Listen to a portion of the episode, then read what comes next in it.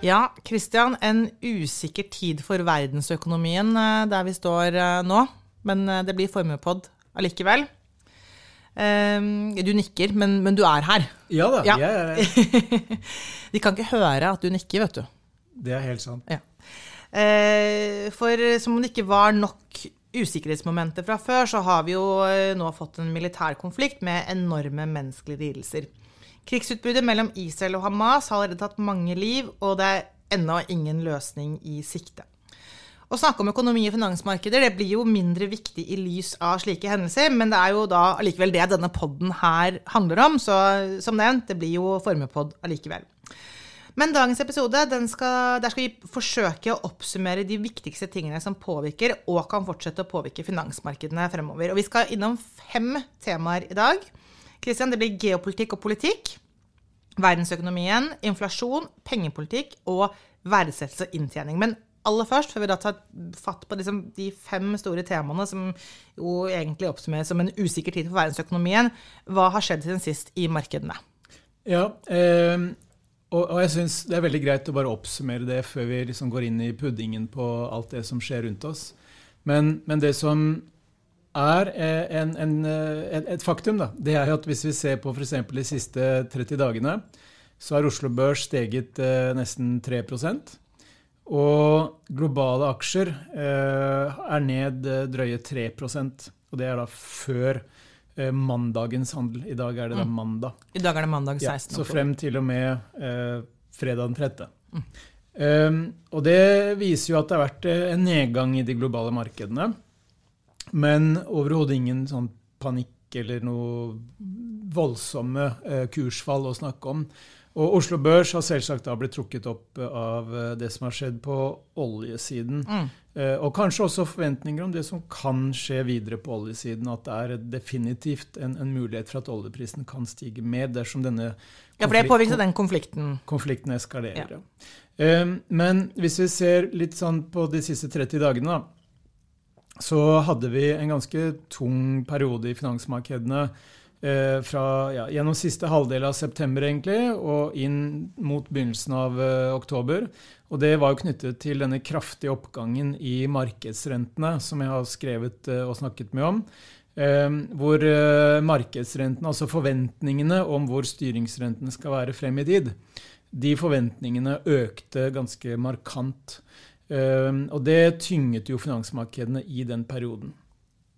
Men eh, som vi skal komme litt tilbake til, så har det jo vært tegn til stabilisering i finansmarkedene de siste dagene. Eh, og det er jo litt overraskende, men vi skal komme litt tilbake til noen av drivkreftene bak.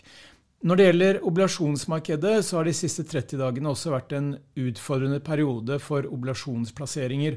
Og det kan jo knyttes da direkte til det jeg nevner, om at vi har hatt en periode med kraftig stigende markedsrenter. Og det er litt eh, sånn som vi på Hamar kaller 'higher for longer'-hypotesen. Higher for longer. Higher hypotesen. for longer-hypotesen. Okay. Det betyr at markedet nå begynner å innse, eller forvente, at eh, disse styringsrentene som har steget så mye, de kommer til å holde seg høye eh, mye lenger enn det man tidligere hadde trodd eller håpet. Om jeg bare får deg til å konkretisere, for du sier at de har steget så voldsomt, de har steget mye. Hva, hva, hva betyr det egentlig mer konkret? Nei, altså styringsrentene, Hvis vi ser på styringsrenten i USA f.eks., så har den steget fra null til over 5% Ja, nettopp. Og, og hvis vi snakker om det vi kaller realrenten, eh, som da er eh, inflasjonsjusterte renter altså for eksempel da Vi snakker mye om den amerikanske tiårige statsrenten. Eh, og hvis vi da trekker fra inflasjonsforventningen i USA neste ti år, så får vi en realrente.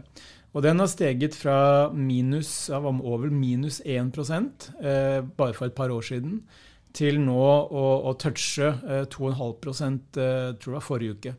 Så det, det er en ganske betydelig renteoppgang, ikke bare i nominelle termer, som vi sier, men også i, i reelle inflasjonsjusterte termer.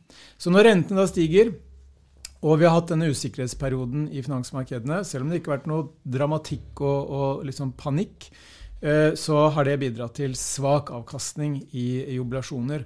Og f.eks. da globale selskapsoblasjoner med høy kredittkvalitet er ned drøye 2% målt i dollar eh, siste 30 dager. På valutasiden så har det også vært eh, ganske ja, store bevegelser i den norske krona, spesielt siden årsskiftet. Fordi siden årsskiftet så er nå krona drøye 9,5% svakere mot dollar og nesten 8% svakere mot euro. Dette har gått litt i bølger gjennom året, selvsagt. Men poenget er at for de som investerer penger, så har det gjennomgående vært positivt, fordi det øker jo eh, avkastningen, eller begrenser kursfallene, alt ja. avhengig av eh, det man har i utenlandske eh, aksjefond, først og fremst. Da. Så så det er egentlig litt sånn innledning. Det har vært eh, periode med svak utvikling i globale markeder. Oslo Børs har gjort det bedre. Det har vært tøft i oblasjonsmarkedet, både fordi renten har steget, men også fordi at disse risikopåslagene de har også tråkket litt oppover i den perioden hvor det var litt, eh, litt mindre eh, god stemning i markedene. Mm. Og krona den har gjennomgående svekket seg siden årsskiftet. Eh, de siste ukene, kvartalene, så har det vært litt sånn ulik utvikling mellom euro og dollar mot kroner. Fordi krona har gjennomgående styrket seg litt mot euro, men svekket seg mot dollar. Ja. Og da skal vi starte på disse hoved, hovedtemaene, disse fem punktene. Eh, er det geopolitikk og politikk du vil ha lyst til å ta først? Ja, jeg syns det. Fordi det som har skjedd nå i, i Israel og, og, Palestina, det er jo dramatisk. Og nå skal ikke vi ta noe side i, i Formuepodden. Dette er grusomme menneskelige lidelser på, på begge sider. Men, men, det vi er opptatt av i formepodden, det er jo hvordan denne, denne situasjonen kan påvirke verdensøkonomien. Ja. Og hvordan den kan påvirke finansmarkedene. Og det som er de, de, to viktigste kanalene da, som en slik krig eller en slik konflikt kan påvirke verdensøkonomien, det er i hovedsak først og fremst gjennom oljemarkedene, oljeprisen. Og det andre er gjennom det vi kan kalle eh, usikkerhet hos befolkningen og næringslivet. Altså en, det som på, på engelsk kalles 'confidence'. Ja. Altså, hvordan føler husholdningene nå at situasjonen er i verden? Er den slik at de har lyst til å bruke på margin mer penger eller på margin mindre penger? Nettopp. Og det samme med bedriftene. Og det er klart at Hvis usikkerheten eskalerer, så vil den confidence-faktoren kunne bidra til at bedriftene kanskje investerer litt mindre, og husholdningene bruker litt mindre penger. Så det kommer jo da eventuelt på et ganske dårlig tidspunkt i verdensøkonomien, hvor ting er ganske skjørt ja. Eh, fra før. Men eh, slik, slik, det ser ut i øyeblikket, så er det jo kanskje i utgangspunktet to ulike veier denne konflikten kan, kan gå.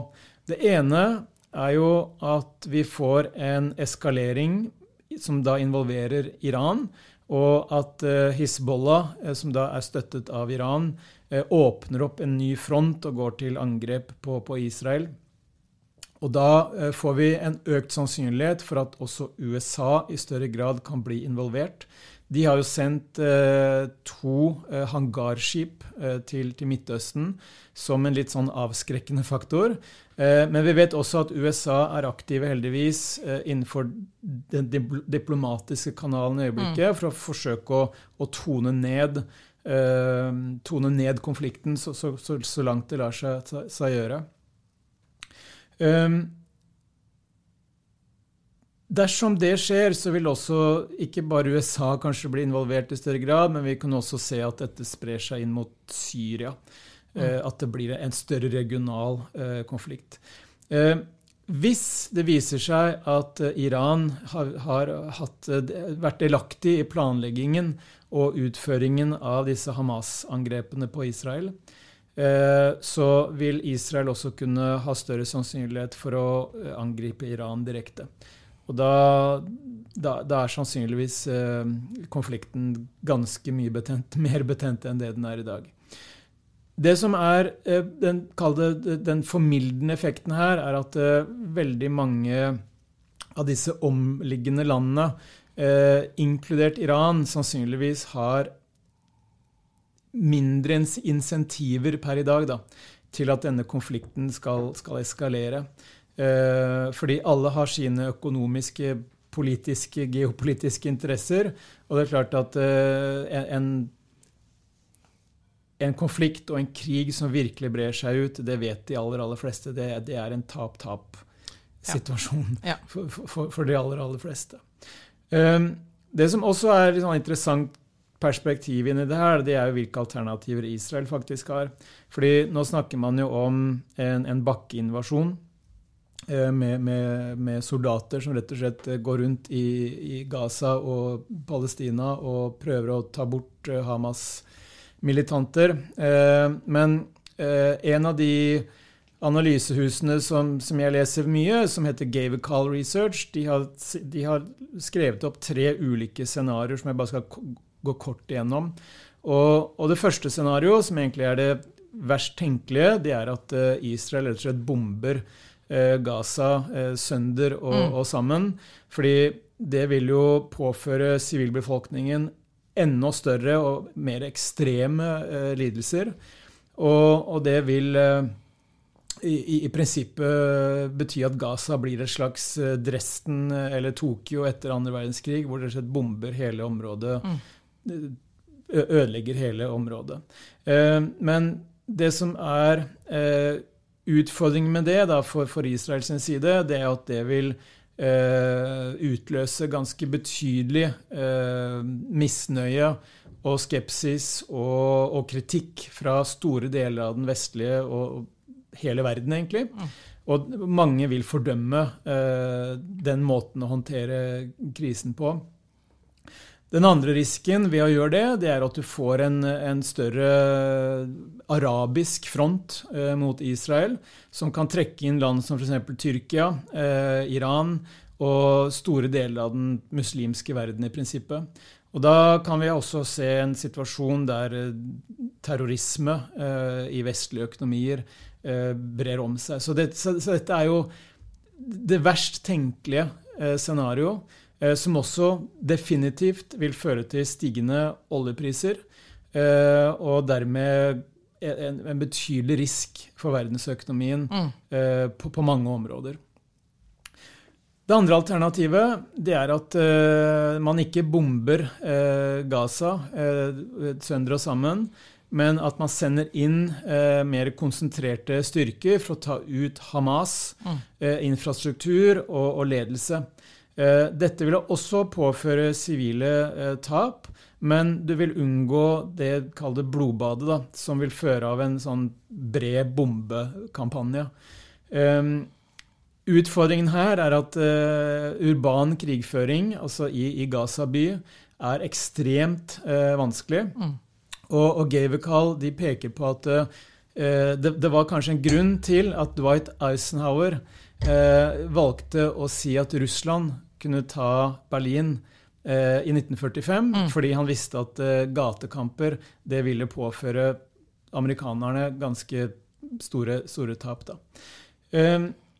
Når det gjelder eh, dette andre alternativet, som er å gå direkte inn i, i Gaza mer og prøve å ta ut infrastruktur og, og soldater, Eh, så vil det kunne være eh, kanskje en vei for å nå en slags forhandlingsløsning etter hvert. Mm. At, at, det kan være en, en, sånn mellomløsning, hvor man etter hvert da kan sette seg ned ved, ved forhandlingsbordet og komme frem til en løsning. Men, men igjen, Veldig, veldig vanskelig. Tredje... Så, så, alternativ én det er da helt fullstendig bombing og bare ekstreme lidelser, som vil føre til eh, økte oljepriser, rett og slett. Men nå, dette er jo ikke mitt fagfelt i det hele tatt, men det høres for meg ikke ut som det mest sannsynlige scenarioet, fordi Israel kan heller ikke ønske, tenker jeg, å få da, som sier, den, de enorme konsekvensene i form av også, altså, mye større motstand fra alle mulige områder. Og så var det som du sier, alternativ nummer to, som er da mer at de går inn, og der eh, ja, går inn i urbant i Ja, Ja. en mer, kall det konsentrert innsats da, for å ta ut Hamas. Riktig, ja. uh, og det, det jo da også måtte bety at de på et eller annet tidspunkt må trekke seg ut igjen. Men, men det Gevekal påpeker, det er at for Israel så vil dette kanskje bli sett på som et, eh, et slags uh, nederlag likevel. Nettopp. Ja. Eh, fordi det er ekstremt vanskelig å Ja. ta ut hele Hamas uten Riktig. at det ja. Og så alternativ tre. Alternativ tre det er rett og slett å avvente. eh, og heller gjennomføre mer kirurgiske og prispresise angrep mot uh, Hamas sin, sin ledelse. Uh, og i, i dette scenarioet så vil jo de er det 360 000 eh, vernepliktige som de har innkalt nå i den israelske hæren. Mm. Eh, de vil da i utgangspunktet eh, bli, bli holdt tilbake og, og kan trekke seg tilbake til de opprinnelige eh, militære enhetene som de tilhører. Eh, og det er klart at Verden håper nok på at det tredje alternativet er det som blir mest realistisk. Mm. Og hvis vi prøver å trekke det her inn mot finansmarkedene, så kan det også synes som om det er det scenarioet som finansmarkedene ser på som mest sannsynlig. Fordi etter dette angrepet 7.10 så har oljeprisen steget litt, ja. Men den har overhodet ikke steget like mye som under tidligere konflikter i Midtøsten. Jeg skal nevne noen. Men så, så det viser altså at finansmarkedene de, altså de vet jo ikke, men de har, finansmarkedene har en slags tro på hva som kommer til å skje, og det er da altså ikke alternativ én, selv om det selvfølgelig ikke bestemmer hva som er, skjer. den, det er den tolkningen man, man kan ja. utlede, i hvert fall. Og vi har heller ikke sett de helt store bevegelsene i, eh, i markedsrentene og i verdien av statspapirer. fordi normalt, hvis det er en sånn eskalerende frykt, så vil jo veldig mange investorer tenke at ok, da ønsker jeg ikke å eie aksjer eller kredittobligasjoner, da ønsker jeg å eie statspapirer. Ja. Og hvis mange nok tenker det, så vil man jo kjøpe statsobligasjoner. Og når kursene på statsobligasjoner da blir presset opp, så vil jo markedsrentene bli, bli tvunget ned. ned. Og som jeg også var inne på, aksjemarkedene har vært relativt stabile eh, etter eh, 7.10. Og hvis man da ser noen som helst sannsynlighet for alternativ 1, så, så ville vi sett større eh, kursfall i, i markedene sannsynligvis. Og vi har heller ikke sett noen sånn voldsom eh, økning i verdien av gull. Eh, gull er jo også en sånn såkalt sikker havn som mange eh, velger å, å trekke seg inn mot dersom frykten eskalerer. Så oppsummert så virker det som om markedene ikke frykter worst case scenario når det gjelder eh, Israel og Hamas-konflikten. ja. Så får vi se hvordan det går. Ja. Når, det gjelder, bare for å kommentere én ting til på politikk, da, siden vi nevnte dette med geopolitikk og politikk, Mm. så er det klart at eh, noe som mange investorer har begynt å få øynene opp for, det er jo dette med, med statsfinanser. Vi har snakket litt om det før, i, i episoden hvor vi snakket om eh, en ny økonomisk æra. Mm. Eh, fordi en grunn til at markedsrentene steg mye de siste ukene, det er jo at eh, mange investorer begynner nå å se at eh, disse budsjettunderskuddene som man har i ganske mange land, inkludert USA, de kommer sannsynligvis heller til å øke enn å minske de kommende årene. Og det er jo litt fordi at eh, politikerne de må bruke penger på bl.a. økte trygdeytelser og pensjoner etter hvert som befolkningen blir i gjennomsnitt stadig eldre. Det har vi snakket om. Eh, Vi vet at eh, i lys av det som har skjedd i Ukraina, det som nå skjer i Midtøsten, så kommer politikerne heller til å bruke mer penger på Forsvaret enn mindre penger. Vi har en energitransisjon som koster penger, og vi har en klimasituasjon som kommer til å bli verre før den blir bedre, som også har en del kostnader som politikerne må håndtere. Så, så derfor så begynner nå mange å liksom tenke at ok, det vil bli vanskelig for politikerne å få denne statsgjelden og disse underskuddene ned. Og hvis statsgjelden fortsetter å øke, og samtidig vi har dette higher for longer-scenario, hvor renten kommer til å være høy lenger, så begynner dette etter hvert å bli en sånn kinkig greie for mange politikere og land. Fordi de har en stadig stigende gjeldsbyrde som koster stadig mer å betjene fordi rentene stiger, eller er høye. da. Så, så det er noe som også kan bidra til at etterspørselen etter statspapirer den er ikke så høy som den normalt sett ville vært. Nei. Og det er med på å holde markedsrentene høye, kanskje over lengre tid enn det man tidligere har trodd. Så jeg ville bare nevne det innenfor det politiske området. Eh, for det er også relatert til det som skjer på rentesiden. Og det påvirker jo også finansmarkedene ellers. Da er det verdensøkonomien. Ja, eh, og det har vært skrevet mye om, om verdensøkonomien de siste dagene. Vi vet at IMF, altså Internasjonale Ja. valutafondet, de har vært ute og sagt at uh, vi, vi lever i en litt sånn us usikker tid. Det er ganske mye forskjellig som har skjedd. Og hvis vi bare tenker nå på de siste ja, tre årene, da, i prinsippet, så har vi også hatt en, en pandemi. Vi har hatt uh, den russiske invasjonen av Ukraina. Vi har hatt disse forstoppelsene i globale forsyningskjeder. Vi har hatt uh, tiltagende nasjonalisme i, i mange ulike økonomier.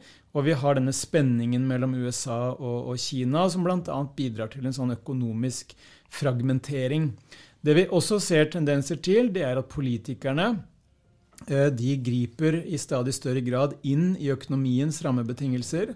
Mm, Og det er relatert til det jeg nevner, med økt offentlig pengebruk. Rett og slett fordi det er så mange ting nå som gjør at politikerne må steppe opp og, og, og ta et større tak, både på godt og vondt. Det høres ut som det er vanskelig å komme seg ut av dette her. Altså, du vil bare gi, gi mer spenning og uro egentlig over hele verden. Det er litt sånn som det høres ut for meg når du snakker om disse tingene her, at det er vanskelig Det ser vanskelig ut å komme seg ut av. Det Akkurat som det er sånn bare strammer og strammer.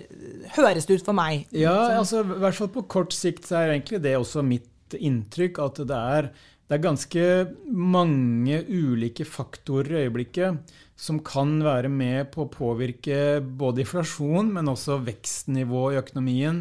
Og jeg var inne på dette med confidence, altså hvor, hvor eh, si, Tenk deg privatpersoner, hvor mye du tror på, liksom Ja, tror man på gode tider, eller Ja. tror man på litt uh, gufne tider? Og det er klart at hvis, eh, hvis eh, mange nok bedrifter og privatpersoner da, leser aviser og, og blir litt sånn på marginen engstelig for det som skjer, så vil man kanskje holde litt strammere på pengebruken. Ja, man gjør jo det. Og da vil det kunne være en ny usikkerhetsmoment inn i økonomien. ikke sant? Fordi hvis det brukes mindre penger, så vil jo økonomien gå litt saktere. Mm. Altså Da vil veksten bli lavere. Men eh, det som er den positive biten av det her, da, det er at nå har vi mye usikkerhet. Vi har hatt kraftig renteoppgang, som jeg snakket om. Men likevel så har ikke verdensøkonomien egentlig gått inn i noen krise. Nei. Vi er ikke der. Nei. Og eh, hvis vi tenker på dette med BNP-vekst, som er én måte å liksom anslå ok, går, er, er marsjfarten i verdensøkonomien god eller dårlig, så vet vi at uh, f.eks. mellom 85 og pandemien så var gjennomsnittlig BNP-vekst, altså vekst i bruttonasjonalprodukt, rundt 3,5% i året. Sånn on average. I, i, I dag så, så anslår eh, eksempelvis Goldman Sachs, da, som prøver å regne på dette her, de spår at verdensøkonomien i øyeblikket vokser med 2,5% annualisert rate. Det vil si at hvis veksttakten i september vedvarer i tolv måneder, så har vi en årsvekst på 2,5% i bruttonasjonalprodukt. 2,5 det er- det er nå, men du sa var den 3,5% under pandemien? Nei, Nei! fra 1985 Å, ja! til pandemien Nettopp. så var gjennomsnittlig BNP-vekst i verdensøkonomien på rundt 3,5% Årlig. ja. Og nå Nå er vi nede på 2,5 Ja. Men for at vi skal liksom kalle dette en økonomisk krise eller resesjon, så må vi nok bikke under 2 Mm. Eh, Men der er vi ikke ennå. Og vi har sett tegn til bedring i amerikansk økonomi på enkelte områder. Vi ser tegn til stabilisering i kinesisk økonomi i øyeblikket. Eh, og den, den, den syke mannen i gata, det er, det er europeisk økonomi, og spesifikt av Tyskland, som er inne i en slags resesjon. Men heller ikke den er en sånn resesjon som kjennetegnes av en kollaps. Hvorfor er Tyskland i en slags resesjon? Eh, fordi at veksten i økonomien er null eller negativ. Ja. Men den er ikke kjempenegativ. Nei, den nei. er bare bitte litt negativ. Bitte litt negativ. Bitte litt negativ. Ja. Og da det er det en, kall det en teknisk resesjon. Ja. Eh, fordi har man negativ BNP-vekst, så må man nesten si at man er inne i en slags resesjon. Så så lenge vi har en positiv BNP, eller så lenge vi har en, en BNP-vekst, så, så, er vi ikke i noen resesjon, så den må ned. Ja, eh. Men, men, det er ikke så enkelt. Nei. fordi hvis man tenker på teknisk resesjon, Mm. Så sier man gjerne at uh, da må du ha negativ BNP-vekst, sånn som man f.eks. har i Tyskland. Mm. Men hvis vi tenker på verdensøkonomien som helhet, så er det ikke nødvendigvis uh, Eller la oss ta amerikansk økonomi, da, det er et bedre eksempel. For der har man jo hatt perioder med negativ BNP-vekst. Men så sier man likevel ok, det er kanskje en teknisk resesjon, men så lenge arbeidsmarkedene er sterke Vi har tilnærmet rekordlav ledighet Mm. i Europa. Vi har tilnærmet rekord, rekordlav ledighet i USA. Mm. Så, så kan det ikke være en ekte resesjon. Skjønner. Fordi en ekte resesjon, da, som gjerne utløser større kursfall i finansmarkedene, det er jo en resesjon eller en økonomisk situasjon der ledigheten stiger, Ja. og hvor du har på en måte svakhet i store deler av økonomien. Men det er klart, det som er så spesielt med den situasjonen vi har i dag, det er jo nettopp dette med arbeidsmarkedene. Men de henger jo sammen med at vi får, uh, har veldig lave fødselstall, vel, eller har hatt eh, altså befolkningsvekst da, i lang, lang tid. Den ser jo ikke ut til å snu, og det, det vil jo på en måte være der.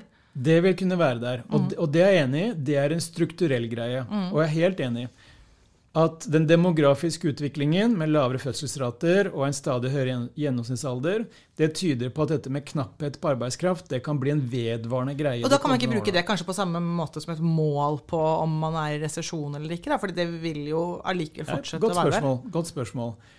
Det andre som også er med på å prege arbeidsmarkedene, det er jo det som har kommet i kjølvannet av pandemien. Fordi under pandemien og rett etter gjenåpningen av økonomiene, så oppdaget jo næringslivet at det var ganske vanskelig å få eh, nok kvalifisert arbeidskraft. Og det har faktisk vært en greie som har preget oss i, også etter pandemien nå. Så det man ser, og det mange bedrifter sier i spørreundersøkelser, det er at de er mer forsiktige med å si opp folk. Ikke nødvendigvis fordi at etterspørselen etter de varene og tjenestene de produserer, er så innmari høy, for den er litt sånn bob-bob i mange steder. Men det er fordi de er redd for at de ikke skal kunne ansette folk tilbake når ting snur. Mm. Uh, Så folk, eller bedriftene, tviholder lenger på arbeidskraften enn det de kanskje normalt ville gjort. Ja. Og det er en bra ting for økonomien. Ja. For da har folk jobb, og de har inntekt. Og det som også er bra i øyeblikket, det er at når vi skal komme litt tilbake til, når inflasjonen er på vei ned, og lønnsveksten fortsatt er god, så betyr det at reallønnsveksten den er faktisk stigende. Ja, Og det er med på å opprettholde kjøpekraften hos husholdningene så lenge de har jobb. Ja. Så Var det, ja. ja, jeg vil egentlig si at eh, verdensøkonomien klarer seg overraskende bra. Men det er forskjeller. USA Vi har snakket om pallplasser i tidligere episoder. USA fortsatt på en soleklar eh, topplassering, nummer én. Eh, Kina er fortsatt utfordringer, men de er litt som på gang Ja. på enkelte områder, med, med stimulanser og, og, og sånne ting. Og så er det Europa som fortsatt hangler litt på tredjeplass eh, med tanke på vekst, selve vekstraten. Da. Eh, blant annet eh, industrien i Tyskland hangler. Vi har svak eksportvekst i Kina. Eh, vi har høye renter, stram pengepolitikk, og bankene også strammer inn i, i hvor villige de er til å låne penger eh, til, til eh, både bedrifter og privatpersoner. Men alt i alt så er du allikevel litt positiv eh, til, til hvordan det er. Ja, ja, det er det. Fordi økonomien er motstandsdyktig på mange områder, og veldig mye av det knyttes opp imot de stramme arbeidsmarkedene. Riktig. Så det vi må håpe på, det er at de stramme arbeidsmarkedene vedvarer, og at eh, etterspørselen i økonomien ikke faller så mye at vi begynner å se kraftig stigende ledighet. Og da går vi videre. Du nevnte det rett før eh, denne avslutningen her. Eh, inflasjon. Ja. Ja.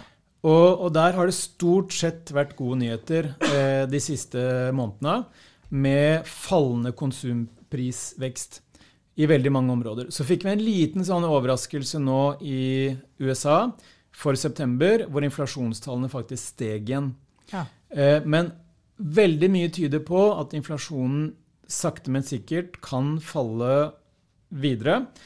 Men det som er det store spørsmålet, er også igjen knyttet til dette med arbeidsmarkedene. fordi så lenge arbeidsmarkedene er stramme, og du har lønnsvekst på 4-5% så er ikke det forenlig med inflasjon på 2% og, og da kommer vi litt inn på dette med pengepolitikk. fordi så lenge arbeidsmarkedene er stramme, og lønnsveksten er OK, i hvert fall reallønnsveksten er, er god, så er det vanskeligere for sentralbanken å kutte i rentene også. Og Det betyr at dette higher for longer-scenario det henger veldig tett sammen med inflasjon som ikke faller helt ned mot to, men som henger litt over to. Ja. Drevet bl.a. av disse stramme arbeidsmarkedene som har vært inne på.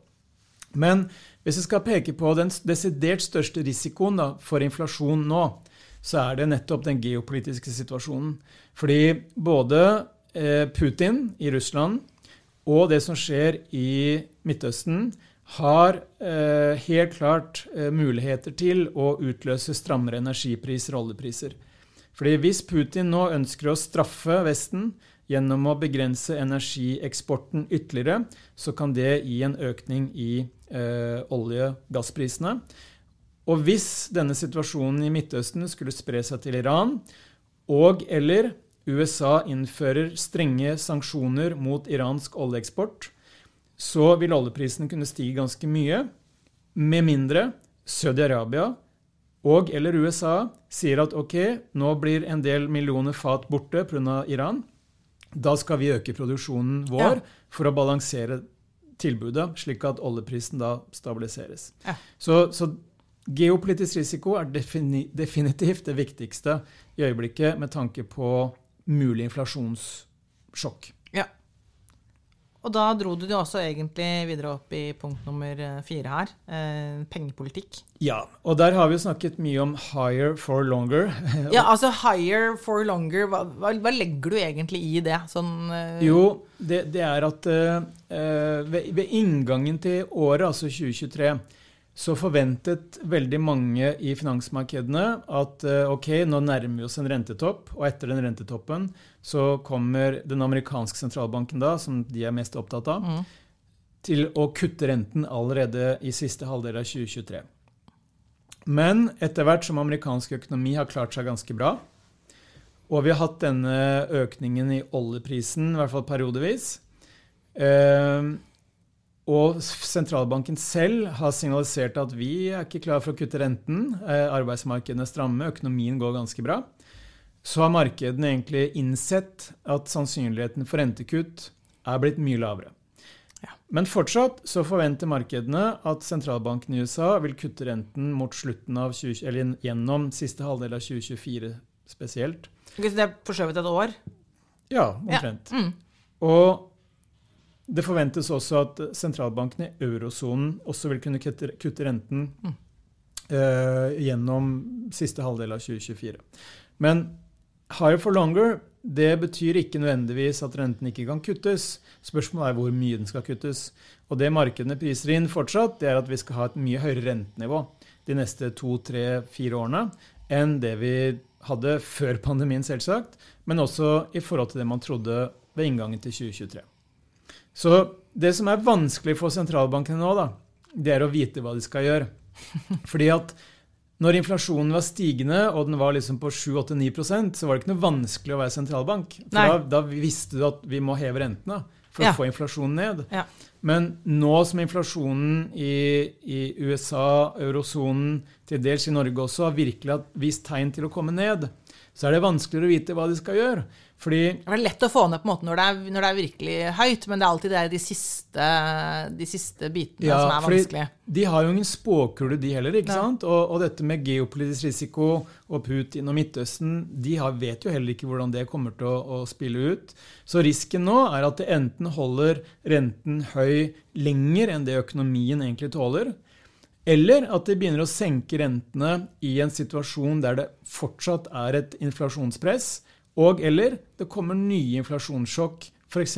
via energimarkedene, som jeg var inne på. Mm. Så inflasjon i utgangspunktet en positiv utvikling, men det er nå det gjelder for ja. sentralbanken å ta de riktige valgene. Riktig. Yes. Og da glir vi inn i siste, siste punkt, Kristian, som du har sagt. Det er verdsettelse og inntjening. Ja, fordi inntjening er egentlig noe av det som kan trumfe veldig mye annet. Fordi hvis investorene ser at inntjeningen er på vei oppover for næringslivet, så vil det veie veldig tungt i forhold til om man velger å øke risikoen i investeringene sine eller senke risikoen i investeringene sine. Og skal vi tro analytikerne, altså de aksjeanalytikerne som sitter og regner på det her, og som på en måte skal synse noe om fremtiden, så er forventningene egentlig ganske optimistiske. Og nå får vi tall for tredje kvartal disse kommende dagene og ukene i USA og i Europa. Og det forventer mange analytikere og i eksperter at vil markere en, en bunn.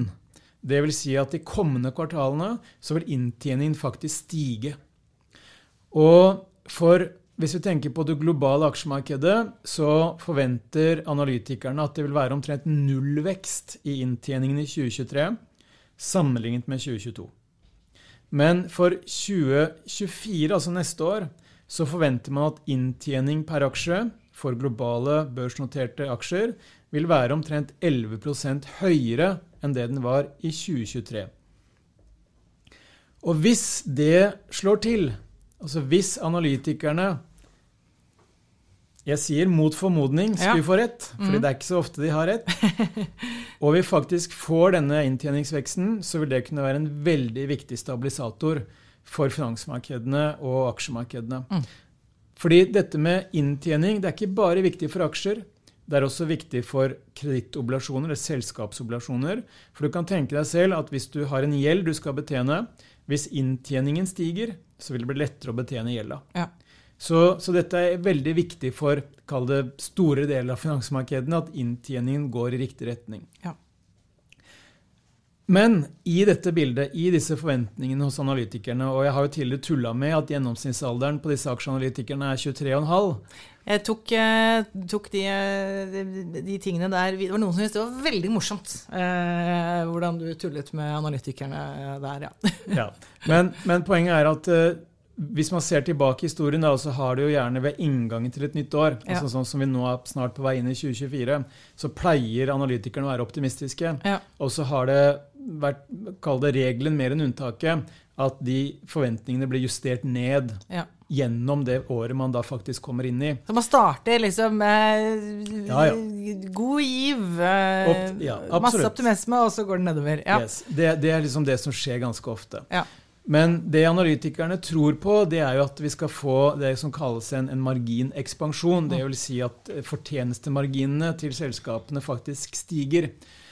Og det, det syns jo i hvert fall nå, jeg, nå, har ikke jeg noe spåkule, men jeg tenker at i en situasjon der hvor du eventuelt får higher for longer, hvor finansieringskostnadene skal være høye lenger enn det man tidligere har trodd, og vi vet at stadig flere av disse bedriftene må refinansiere sine lån etter hvert som de forfaller, så betyr jo det at uh, denne marginekspansjonen uh, den, den, ser litt uh, vi, vi, håper og tror at de får rett, men det virker litt sånn optimistisk, syns jeg. da. Men uansett, skulle man få 5% inntjeningsvekst eller 4% så vil det fortsatt være en, en bedring. Ja. Og det vil kunne gi støtte til, til markedene. Når det gjelder verdsettelse, så handler jo det om ok, er finansmarkedene dyre eller billige? Og hvis man ser på aksjemarkedet, så prises i øyeblikket det globale aksjemarkedet på rundt 14 ganger forventet inntjening. Og det er faktisk litt under historiske gjennomsnittsnivåer. Um, amerikanske aksjer er litt dyrere. Europeiske aksjer er enda billigere. Europeiske aksjer prises på rundt 11 ganger forventet inntjening. Som da er egentlig ganske rimelig. Men det som er morsomt, det er jo når vi snakker om verdsettelse av aksjer, så tenker jo veldig mange, og det kan man lese om i avisen også, dette såkalte PE-forholdet. Mm. Altså pris per aksje delt på inntjening per aksje.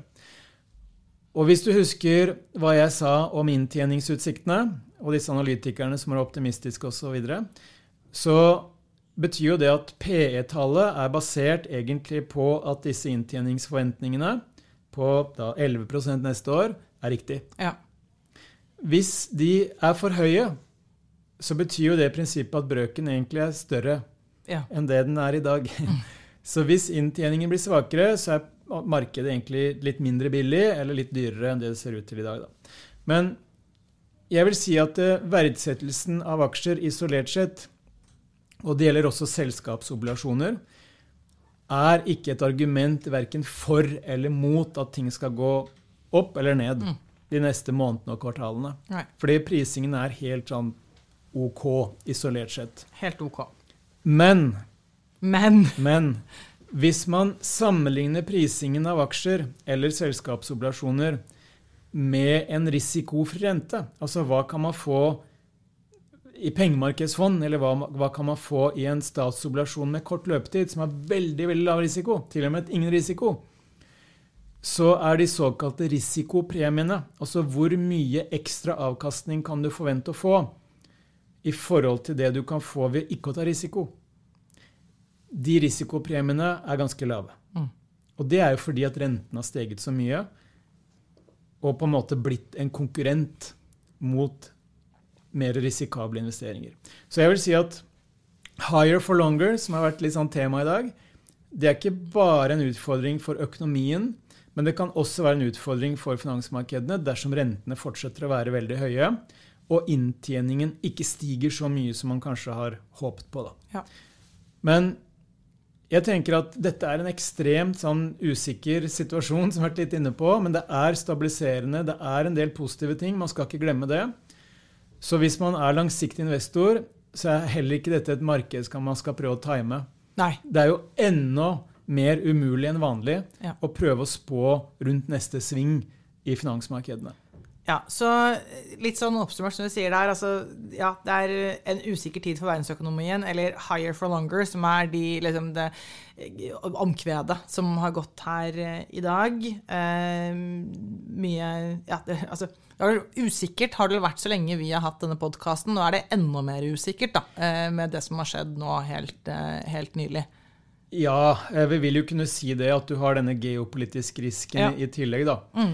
Men, men så er det jo også det at uh, Men så har du noe du, du, du har noe optimisme her allikevel, for det, det merker jeg. Du er, liksom, du er ikke svart. Du har Ok, det er sånn og sånn, sånn, det er usikkert, men allikevel noen sånne positive ting. Um, jeg har lyst til å eh, utfordre deg på Vi har gått gjennom fem, eh, fem temaer, eh, som var da geopolitikk og politikk, verdensøkonomien, inflasjon, pengepolitikk og verdsettelse og inntjening. Eh, og nå har du fått snakket mye rundt alle disse temaene eh, her. Takk. Eh, så det jeg lurer på, er om du kan klare å gi ca. én setning per punkt der. Gi liksom din sånn one-liner per disse punktene som en oppsummering. Ja, eh, Når det gjelder geopolitikk, hvis vi skal ta det først, eh, som er kanskje det viktigste sånn på, på kort sikt, så virker det som om markedene har tro på det vi nevnte var eh, alternativ tre for Israel. Riktig. Det vil si at de ikke eh, går inn i en sånn massiv bombekampanje og ødelegger hele Palestina og, og Gaza. Men at de rett og slett venter og gjennomfører mer kirurgiske eh, angrep mot eh, Hamas-ledelsen. Når det gjelder verdensøkonomien, så er egentlig det aller, aller viktigste at verdensøkonomien vokser. Ja. Eh, I øyeblikket med rundt 2,5% annualisert vekstrate. Det er overhodet ingen vekstfest. Det er lavere enn det det normalt sett har vært. Men vi er heller ikke i et resesjonsscenario ennå. Og mye av det henger på styrken i arbeidsmarkedene. Når det gjelder inflasjon, gjennomgående i riktig retning, men en negativ overraskelse i USA forrige måned setter ting litt i perspektiv med tanke på at det er ikke sikkert vi får inflasjonen ned der sentralbanken vil ha den, på rundt 2% uten at vi får en svekkelse i arbeidsmarkedene først. Og en X-faktor, eller en joker, på inflasjon, det er geopolitikk og olje- og energipriser. Både knyttet til Midtøsten og Russland, Ukraina. Når det gjelder pengepolitikk eh, Mange forventer at vi er nær en rentetopp. Eh, det er sånn 50-50 om man får en renteøkning til USA eh, mot slutten av året. Men det er også veldig mye vanskeligere for sentralbanken nå å vite hva de skal gjøre. Ja. Og det er risiko for at de holder renten for høy eh, for, for, eh, lenger eh, enn det økonomien tåler. Og det er også en mulighet for at de begynner å kutte rentene for tidlig, Ja. før inflasjonsspøkelset er helt eh, borte. Mm. Og jeg tror heller ikke at inflasjonsspøkelset blir borte de kommende årene, fordi det er så mange strukturelle drivkrefter som kommer til å eh, dra og Ja. rykke Ja. i inflasjon og prisutviklingen, at det tror jeg vi må venne oss til.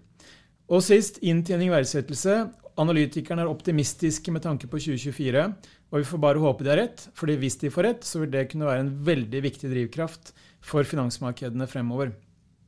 På verdsettelsen så er verdsettelsen av aksjer og selskapsoblasjoner helt OK isolert sett, men sammenligner vi med den avkastningen man kan få risikofritt, eller tilnærmet risikofritt, Mm.